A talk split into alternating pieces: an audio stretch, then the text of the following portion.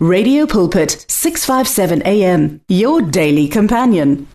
Sanibonani sanibonani sanibonani balalele emakhaya egameni lenkosi ethu Jesu Kristu waseNazaretha. Eh ngaze ngajabula nkosi yami namhlanje ntambama ukuhlanganyela nani kulolu hlelo olunamandla kangaka Radio Pulpit 657 AM egameni lenkosi ethu Jesu Kristu. Lalela kusaseyimi umfundisi umoyo weChrist Family Assembly. Egameni lenkosi yethu Jesu Kristo waseNazaretha. Silaphayana ke thina ngokukhonza eArcadia Hotel ePretoria phakathi edrobheni 515 Johannes Ramakosa Street.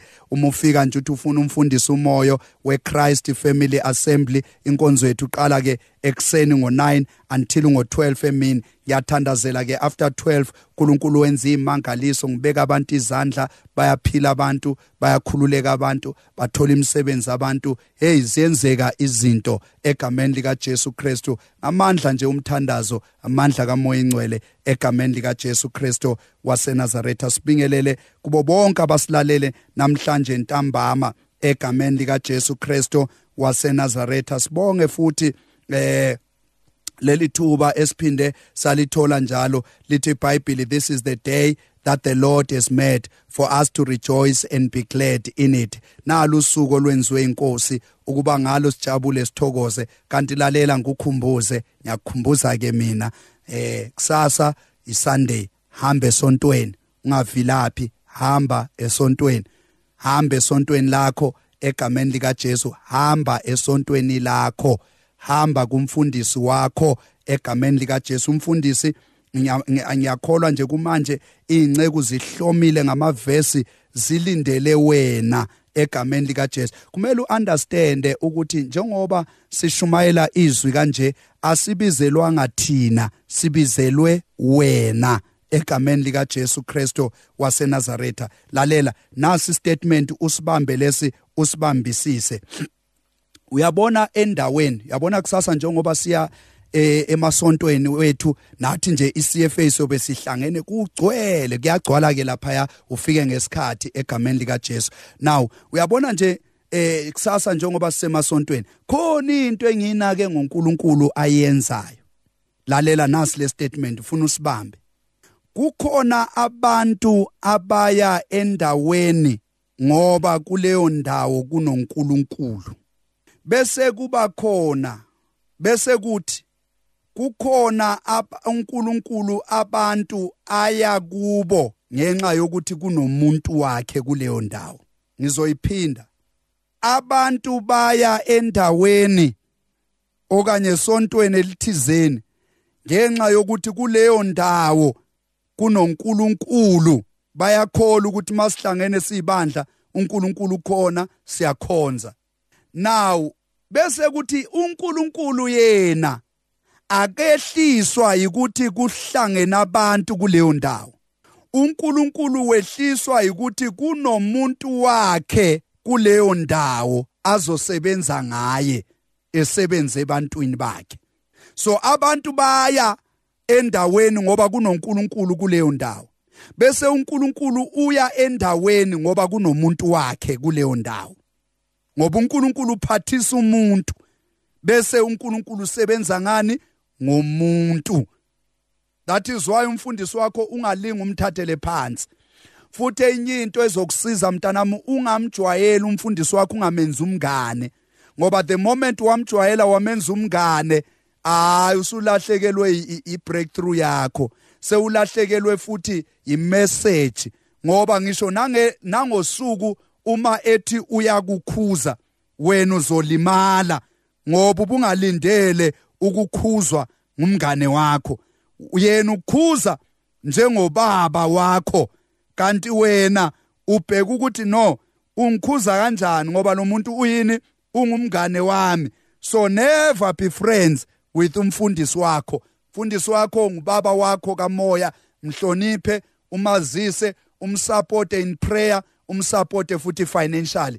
Ngoba ivangeli limahala lona ukuthi silishumayele. Kodwa ukuthi sibe semoyeni manje iradio pulpit nayo iyabhadala imali egameni likaJesu. Naye umfundisi khona indleko anazo lapho esontweni lakho. Msupport uzobona mawusupporta into kaNkuluNkulu uNkulunkulu nawe usupport yakho. uNkulunkulu njalo bazalwane. Uma usupport umsebenzi wakhe naye usupport wakho umsebenzi. Uzobona into zakho ziqhakazeka zihamba kahle zilunga endleleni. Ngiyabonga kakhulu egameni likaJesu. Ngiyengithande nje ukunikeza abazalwane the words of wisdom eh ngoba mangishumayela kanje angishumayeza ibandla lami kuphela. Ngishumayeza umzimba kaKristu. Masila ku radio pulpit sikhohlwa ngamabandla ethu ngoba kahle kahle umthangalo wamabandla kumele kahle kahle ubhidlike ngoba singabantwana bomuntu oyedwa. Uma siye ezulwini siyongena ngamagama ethu personal names hayi ngamagama amasonto ethu.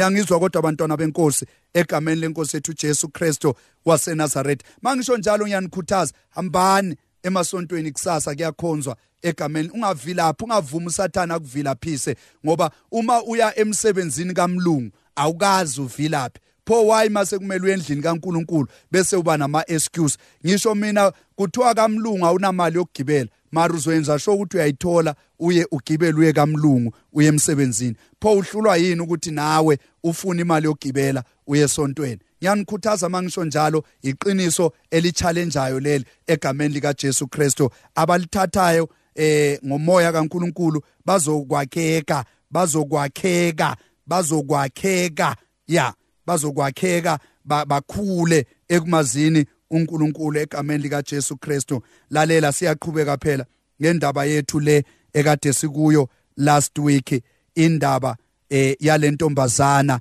eyasiza uNahamani. Eh 2 Kings chapter 5 eh sizoyifunda ku verse 14 nje sivale lapha lithi iBhayibheli 2 Kings chapter 5 amakhosi esibili chapter 5 verse 14 lithi iBhayibheli wayesehla wazicwilisa kasikhombisa eJordan njengokusho komuntu kaNkuluNkulu. Inyama yakhe yabuya yaba njengenyama yomntwana omncane wahlambuluka. Now uzokhumbula last week besifunda ngendaba yendoda igama layo nguNahaman indoda kade inesikhundla esiphezulu indoda kade iyisosha ibutho iqhawe lempi indoda esingezwa ngehistory yokwehluleka kwayo kodwa sizwa ngehistory eh yokunqoba kwayo ezimpini. Indoda kade siketula amakhosi amaningi yandisa isizwe sika Syria kuyo.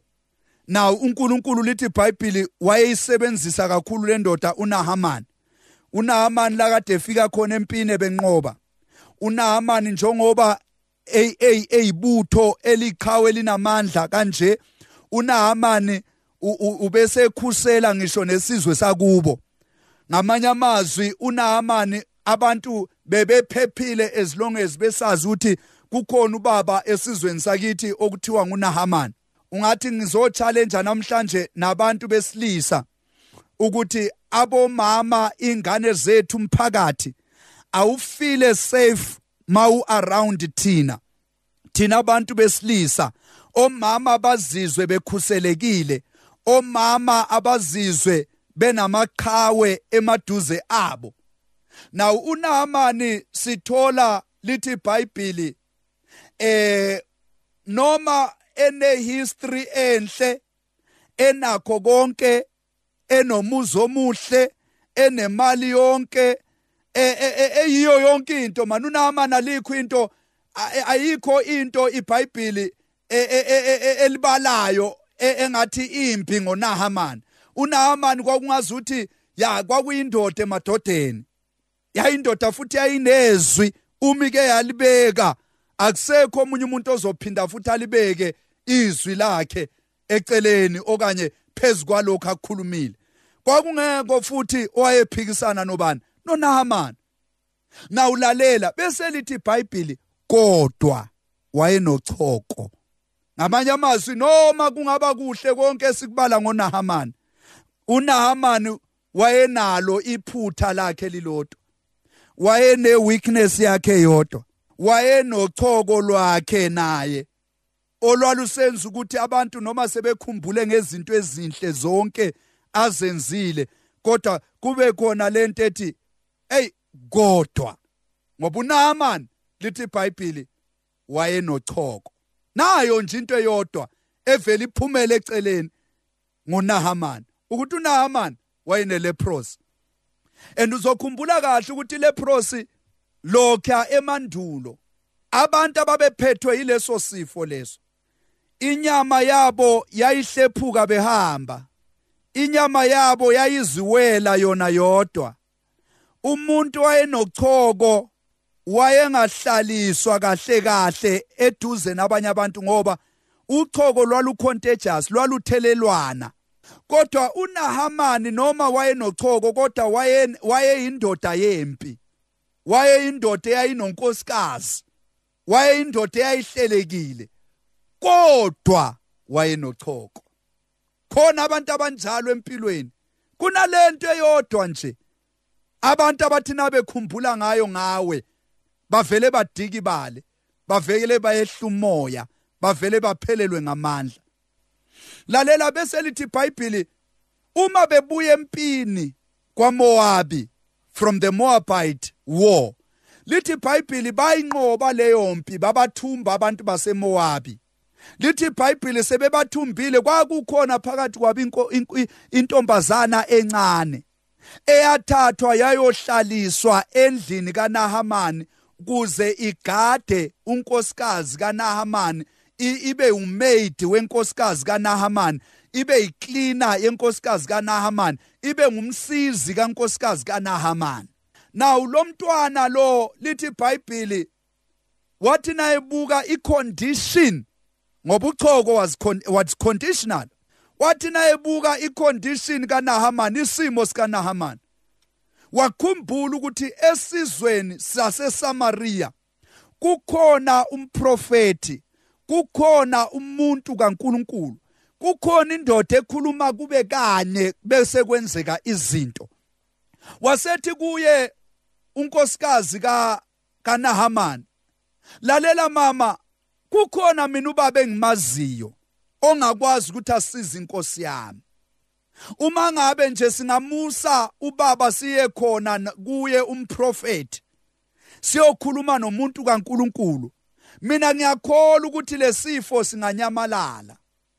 Lithi iBhayibheli kusenjalo bavumela phezulu kwabhalwa incwadi inkosi yaseAsiria yabhalela inkosi yakwaIsrayeli.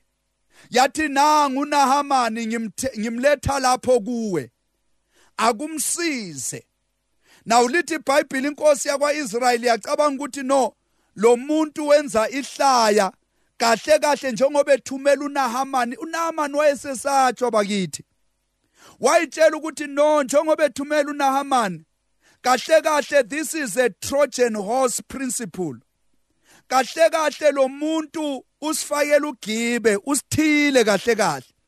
Ukuthi uma uNahamani engena la siyamazi uNahamani uyobhubhisa kwasani la. Yaseyithi lenkosi ngabe lo muntu uzama ukuphemba umlilo wempi na? Kanti ayikhona eqinisweni inkosi yaseAsiria yayibhala incwadi ifuna vele usizo. Lithi iBhayibheli umuntu kaNkuluNkulu waseyibamba indaba emoyeni. Ukuthi kukhona abantu abafike nencwadi badinga usizo. Wasethi umuntu kaNkuluNkulu enkosini khululekani myekeni aze kimi ngizomsiza. Lithi iBhayibheli kusasenjalo uNahaman esasendleleni yokuthi azosizakala. Lithi iBhayibheli umprofeti wathumela inceku yakhe wathumela izwi. Wathi lalelani nimtshela ukuthi angezi la. Akaye eJordan. Uma efika lapho akazicwilise kasikhombisa. Uzothi mayephuma lapho uzophuma eseclean uchoko selunyamalele hey indoda yadikibala yalimala emoyeni. Walimala emoyeni uNahamani ukuthi kanjani? Ngoba mina bengicabanga ukuthi umprofeti uzophuma azohlangabezana na? Phela mina ngumuntu omkhulu. Kwavuka ipride kuNahamani. Uyabona ipride iyona yenza ukuthi abantu bangasizakali? Uthi noma ufuna usizo ebantwini kodwa ufuna ukuphakamela abantu ocela kuba usizo hey bazalwane balalela emakhaya. Umuntu ozehlisayo lithi iBhayibheli uyophakanyiswa. Kodwa lo ozikhukhumezayo oyi-self raising lo oziphakamisayo. Lithi iBhayibheli uyokwehliswa. Ngizokhalimela umoya wepride. Noma uNkulunkulu esekuphakamise kangakanani ungavukwa umoya kaNahamani. Ucabanga ukuthi wena akekho umuntu ongakusiza ngoba wena uyiqhawe nawe unochoko lwakho. Wonke umuntu ophila la emhlabeni unochoko lwakhe. Njengoba sisemasontweni kanje ngama-sunday umunye nomunye unochoko lwakhe. Isonto lifana nechibi lasebethesda elithi ibhayibhili abantu babehlangene beney'nkinga ey'hlukahlukene. Abantu babehlangene benama-challenge ahlukahlukeneyo. Abanye babegula kukhona abanganamehlo kukhona abanochoko kukhona abavuza igazi kukhona abayizishosha kukhona abasangena abaphambene ngokwengqondo. Hey ichibi lasebethesda laligcwele iy'nhlobonhlobo zabantu. That is why masiye emasontweni sifana nabantu abasechibini. Uma ufuna usizo uyazehlisa. Kuze ukwazi ukuthi uthole usizo. Ngisho noma ungaphakama kangakanani noma ungaba nayo imali kodwa uyaludinga usizo lukamoya. Noma ngabe kuthiwa unayo imali kodwa nawe uyamdinga lo nayo imali kuze asizane nawe. Ngamanye amazwi it is a balance lento siyadingana empilweni. Onemali udinga onganamali onanamali udinga onemali kuze sibhalanse kulomhlaba esiphila kuwo. uNahamani wavukwa ngumoya wepride. Wathi musibe ngicabanga ukuthi le nceke kaNkuluNkulu enikhuluma ngayo izophuma izohlangabezana nami izophuma neentourage yayo. Bangamkele kahle phela njengesikhulu. Bengicabanga ukuthi futhi uzobiza igama likaNkuluNkulu wakhe okanye phela ngithinte bese kuyanyamalala lokho kungiphethe. Kanti hayi khona izinto zikaNkuluNkulu. Ebazalwane uma sesike sakhuluma sayirelease i-prophetic instruction. Sathi wena in 2 weeks time uzowuthola umsebenzi. Sathi wena next year by this time wona oyinyumba uzobe usuphethe umntanakho. Sathi wena next year by this time uyobe usuyi-multimillionaire. Ungabuzi ukuthi kuzokwenzeka kanjani ngoba into esiyikhulumayo kungenzeka ingenzi sense kuwe ngenxa yecondition okuyo ngenxa yesimo kuso wena thatha lokho esikushoyo uthathe uzobona uNkulunkulu ekwenzela isimangaliso. Lithi iBhayibheli iy'nceku zikanahamani zahlakanipha zambizela ekukhoneni zathi baba nduna siyakuhlonipha. Mphathi wethu kodwa this time sivumele nathi sike sikhulume. Lalela uma ngabe lo muntu kaNkuluNkulu bekhulume izinto ezinkulu ukuthi wenza into ezinkulu ubungeke uyenze yini lento kodwa ngoba nakho phela sethe wena awugijime nje uye kuloya mfudlana olaphaya iJordan why pho ungenzi lokho? Akushoyo bese uyaphila. Wathi uNaamani kanjani? Kanti bingekho yini? Eminye imifula engcono eh kunalo. Ngoba abantu abaphakeme bahlala bebheka izinto ezingcono kunezinye bahlala becompare abantu. Hayi lalela siphelile isikhathi sokukhompera abantu. uNkulunkulu ukhona and uNkulunkulu wavusile amadoda akaNkulunkulu eSouth Africa eAfrica uNkulunkulu uyivusile incekukazi kaThixo wena zihloniphe ulalele lokho ezikushoyo. Noma iminingi imifula abanye bafisa ukuya endaweni ezigcwele okushaya khona ama-ekhoni ey'nkonzweni zakhona babalekela umfundisi wabo lo okhonzela emkhukhwini bacabanga ukuthi ngeke abasize ngalutho. Lalela kuwo lowo mkhukhu unkulunkulu uyakwazi ukuwavusa ama-multimillionaire. Lithi ibhayibhili bake bathi abanye benyatsa ujesu bathi ibingekho yini? Bathi kungaphumani la eNazaretha? Khona yini into engasivele la eNazaretha? Ngaleso sikhathi banyatsa uJesu inkosi yamakhosi. Kanti uNkulunkulu khona lapha eNazaretha kulazo vusa khona into ezonyakazisa umhlaba wonke. Namhlanje sishumayela ivangeli kanje sibanjwe yinto yasemazulwini. Eyenzeka over 2000 years ago kungakacatshangela ukuthi nathi singabe singase sizalwe sibe khona. Kodwa namhlanje sishumayela ngaye lo Jesu owazalwa kuphi endaweni edelelekile kuphi eNazaretha? Uthi uNaamani udelela iJordan uthi bingekho yini eminye imifula? Ungathi ngezwe kulesi sizwe ebengekho yini amanye amasonto bebengekho yini abanye abafundisi? Bebengekho yini abengekho yini amanye amakhampani? Lalela leyo company ekuqhashile manje ungayibukeli phansi. Lithi iBhayibheli do not despise humble beginnings. Out of them comes huge things. Ungayibukeli phansi lento iqala kancane. uNkulunkulu uzoyiphakamisa ayenze ibe enkulu igcwala isabala lumhlaba wonke. Egameni lenkosi yethu Jesu Kristo waseNazaretha. Lithi iBhayibheli lamadoda amncenga. Umphathi wayo athi nahamani siyakuncenga baba. Hamba uyozicwilisa lapha ungathi ngiyabona indoda iyongena eJordan bathi wathi ethi kanye. Ungathi ngiyambona ephakama okwesibili ecwila okwesithathu ecwila okwesi4 ecwila. Ungathi ngiyambona esula amanzi ebusweni bakhe athi kuyafana musilento isasekhona. Lalela asithandazi kanye bese kwenzeka izinto. Sometimes siyaqhubeka. Siloke sithandaze njalo. uNkulunkulu azaphendule. Bakwathi omunye consistency will yield results. Uma into yenza njalo njalo uyenza ungakhathali. That thing is bound to come back with positive results. Iyenze lento abanye bathi sesikhathele thina kuye emasontweni njalo njalo ngoba yikho lento akwenzeki lutho. Masifika khona basicela izimali masifika khona bathi asizile ukudla masifika khona bathi asihlabelele mara masibuyele emuva ayikho into eyenzakele. Siloke siyafana lolu choko lwezikolodo lusahleli lolu choko lwendlala lusasekhona lolu choko lokungazwani la ekhaya lusasekhona. Lalela kungenzeka sucwile kayi4 phindela kayi5 phindela kayi6 phindela kayisikhombisa.